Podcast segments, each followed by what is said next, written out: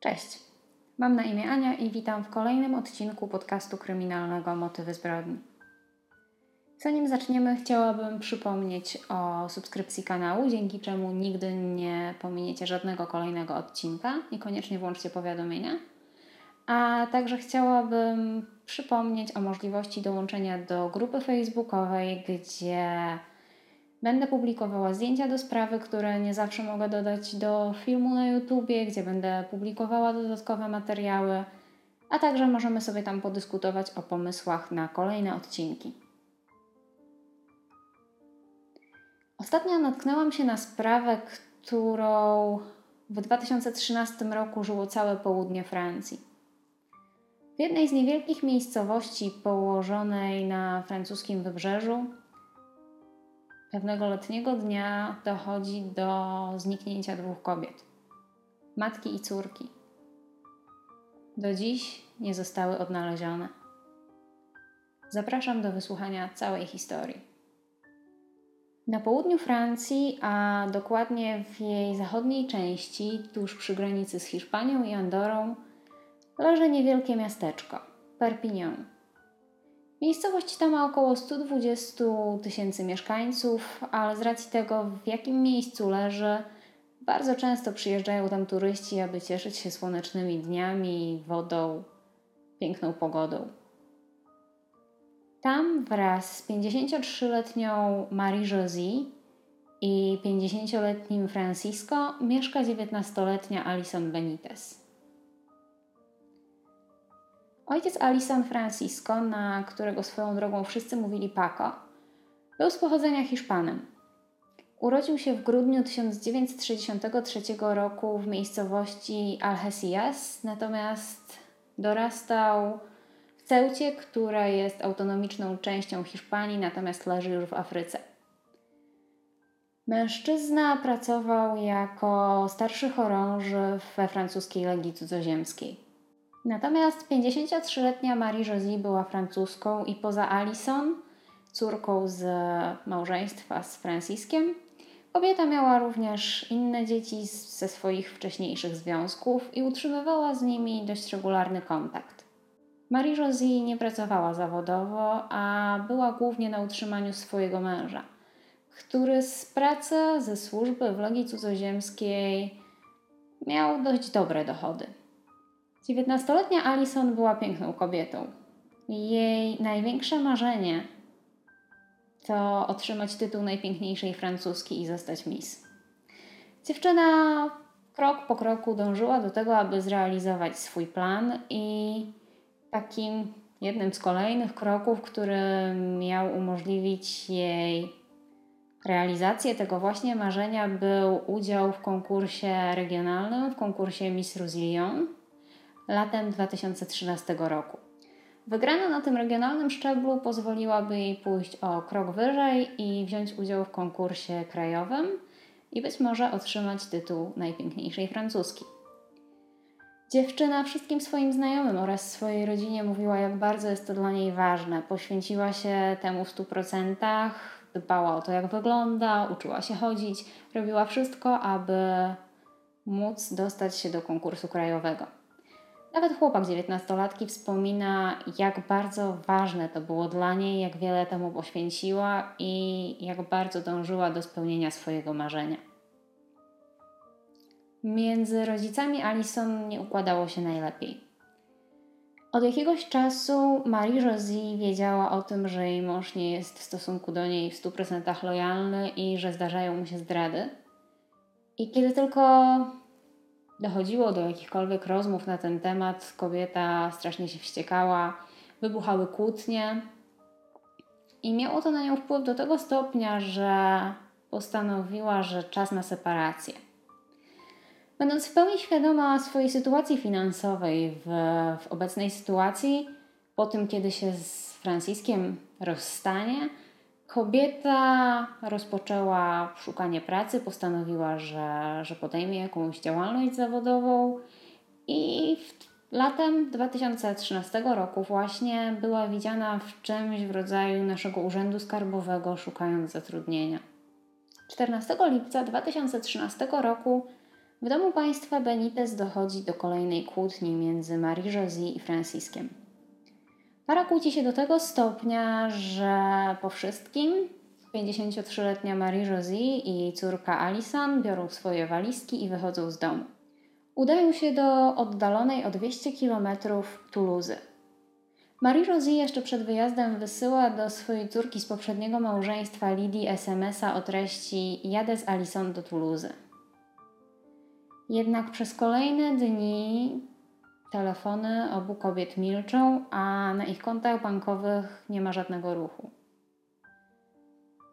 Kiedy znajomi Alison oraz Marie-Josie zaczynają się martwić, pierwszym takim sensownym miejscem, gdzie, gdzie, gdzie warto szukać kobiet, jest oczywiście dom państwa Benitez i rozmawiają z Franciskiem, który wszystkim tłumaczy, że Alison i Marie-Josie wyjechały po rodzinnej kłótni do Toulouse Prawdopodobnie dlatego się nie odzywają i mają wyłączone telefony. Jednak mężczyzna nigdy nie poinformował o tym zdarzeniu rodziny Marii Josie i jej, pozostałych dzieci. Po kilku kolejnych dniach znajomi Alison zaczynają się martwić, że z dziewczyną nie ma kontaktu i postanawiają złożyć zawiadomienie o zaginięciu jej oraz jej matki na policję. Mąż i ojciec Francisco robi to dopiero kilka dni później, czyli ogólnie 8 dni od zaginięcia 22 lipca.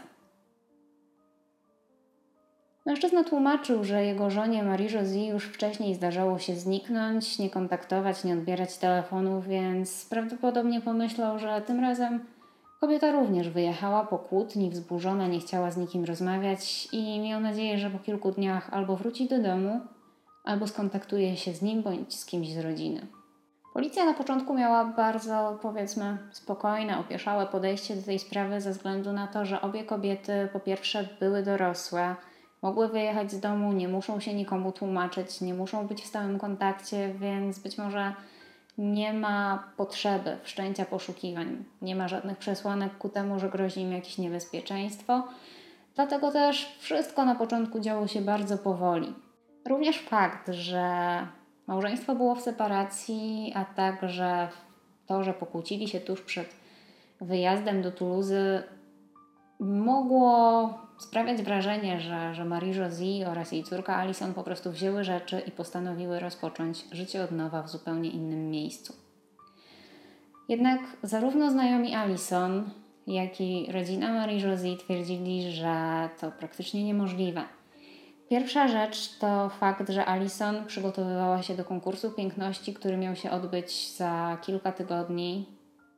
Poświęciła wszystko, żeby, żeby zdobyć tam jakiś tytuł, żeby dostać się dalej i nie odpuściłaby tak łatwo z pewnością. Natomiast również dzieci Marii Josie twierdziły, że kobieta nie zostawiłaby ich tak po prostu, nie kontaktując się z nimi, nie dając żadnego znaku życia. Policja rozpoczęła swoje dochodzenie od tak naprawdę jedynej informacji, którą posiadali, a mianowicie od tego, czy kobiety faktycznie opuściły Perpignan i czy udały się do Toulouse. Biorąc pod uwagę fakt, że ani matka, ani córka nie posiadały prawa jazdy, nie było takiej możliwości, aby udały się tam samochodem, dlatego też policja skierowała swoje działania na kamerę monitoringu na dworcu w Perpignan. Jednak okazało się, że nie ma tam ani śladu po Marie-Josie i Alison. Nie były na dworcu ani w dniu zaginięcia, ani później. Kolejnym krokiem w tej sytuacji było przesłuchanie Francisco Beniteza, który tutaj posiadał, tak jakby powiedzmy, ostatnie informacje i jako ostatni widział obie kobiety. Mężczyzna opowiedział o tym, że 14 lipca doszło między nimi do kłótni, że, że była to kłótnia o kolejną kochankę, że żona była wściekła i po tej kłótni wraz z córką wyjechały do Toulouse. W kolejnych krokach policja sprawdziła również aktywność na kontach bankowych obu kobiet, jednak nie dokonywano żadnych wypłat, płatności. Zupełnie nic tam się nie działo, nie było żadnego ruchu. Sprawdzono także telefony Alison i Marie-Josie i okazało się, że od 14 lipca, od dnia, kiedy zniknęły, nie było ani żadnych połączeń przychodzących, ani żadnych połączeń wychodzących. Telefony milczały i nie były używane w tym czasie. 2 sierpnia 2013 roku policja rozpoczęła coś, co możemy nazwać śledztwem w sprawie niewyjaśnionego zaginięcia obu kobiet i zaczęli szukać jakiejś możliwości, czegoś, co mogłoby zbliżyć ich do rozwiązania zagadki, być może odnalezienia Marii Josie oraz Alison. Jednak przez kolejne dni śledztwo stało raczej w miejscu. Nie było żadnych nowych śladów, żadnych dowodów, niczego tak naprawdę, co mogłoby poprowadzić policję trochę dalej. Jednak w tym samym czasie również media na dość dużą skalę interesowały się zaginięciem Alison oraz Marie Josie. I w związku z tym zdjęcia kobiet, zdjęcia również męża oraz ojca Francisco Beniteza bardzo często pojawiały się w gazetach czy też w różnych programach telewizyjnych. Pewnego dnia w położonej nieopodal miejscowości Nimes, miejscowość leżała między Montpellier a Marsylią, pewien mężczyzna o imieniu Maria ogląda telewizję i jego oczom ukazuje się zdjęcie Alison, Marie Josie oraz Francisco Beniteza. Mężczyzna od razu kojarzy zaginięcie obu kobiet z sytuacją, która w 2004 roku miała miejsce w jego rodzinie.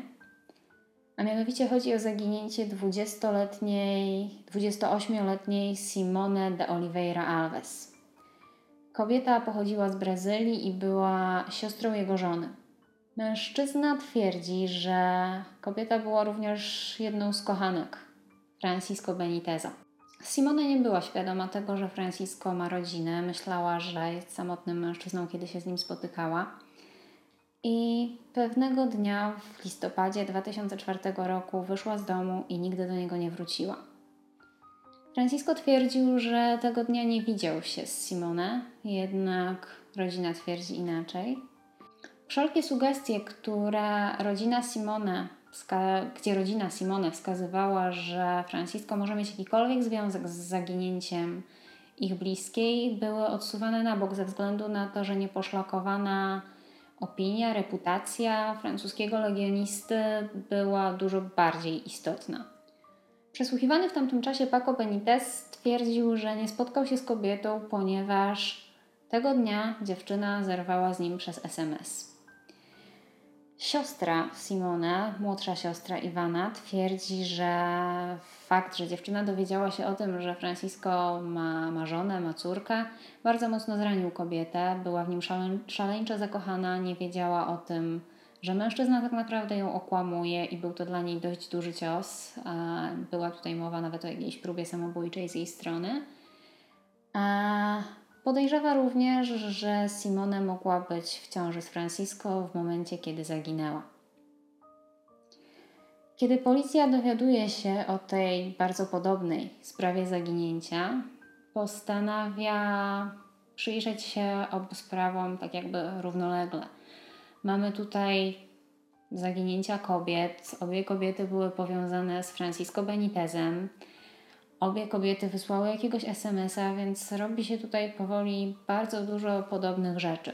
W tej sytuacji policja postanowiła również otworzyć to śledztwo z 2004 roku, które zostało zamknięte bez wykrycia czegokolwiek, bez e, ustalenia, co się wydarzyło z e, Simone de Oliveira Alves.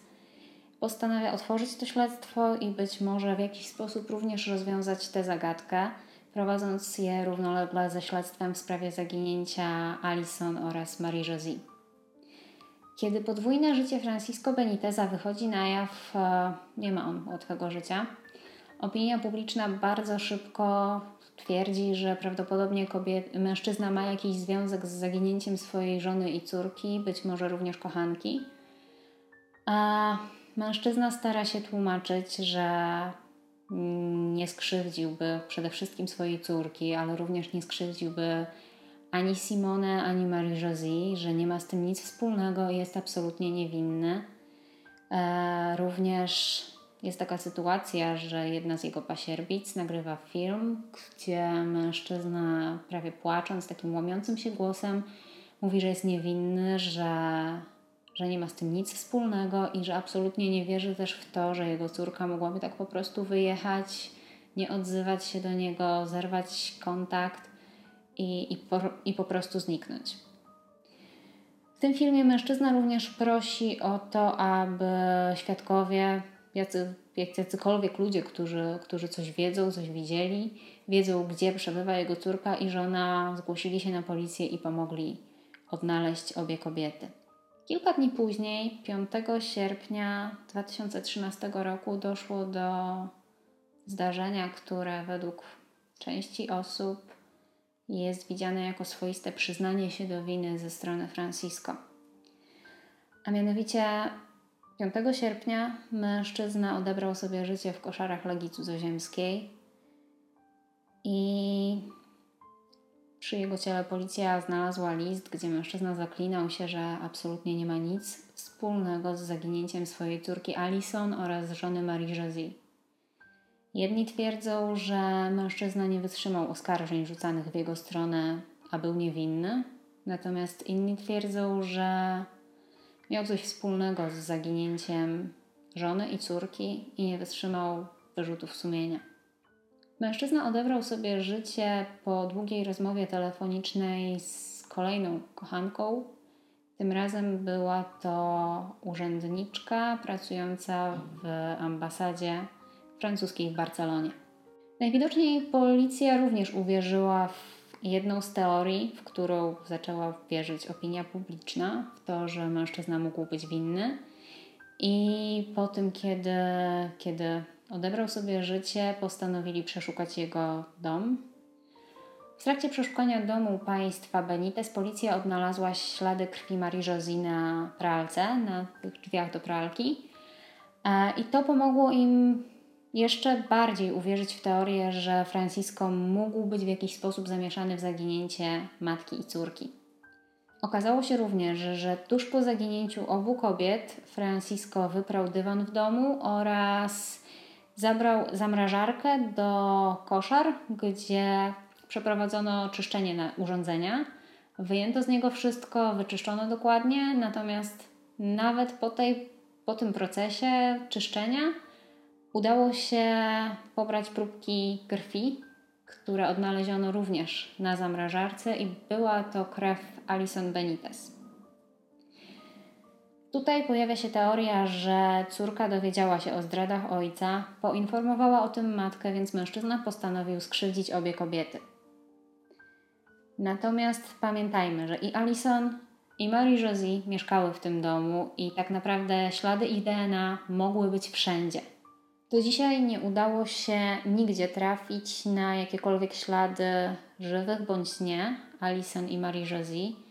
Tak naprawdę do dzisiaj nie wiadomo, co się z nimi stało, mimo że minęło już bardzo dużo czasu. I to właściwie już wszystko w tej sprawie. Dajcie znać w komentarzach, czy słyszeliście kiedykolwiek o niej i czy, czy wiecie, co Waszym zdaniem mogło się wydarzyć, jakie Wy macie teorie, czy wiecie coś więcej. I jest to sprawa dość trudna. Tak naprawdę opinia publiczna wydała swoją ocenę dość szybko, jednak czasem może warto się zastanowić, czy na pewno słusznie, ze względu na to, że, że, że nie da się ukryć, że Fran Francisco Benitez miał na sumieniu na pewno wiele zdrad, ale czy na pewno posunąłby się do czegoś takiego jak skrzywdzenie swojej własnej córki i swojej żony? Dziękuję za obejrzenie odcinka do końca. Jeżeli Wam się podobał, to pamiętajcie o zostawieniu łapki w górę, co spowoduje, że film dotrze do większej ilości osób oraz pamiętajcie o zasubskrybowaniu kanału. Dbajcie o siebie i do zobaczenia za kilka dni.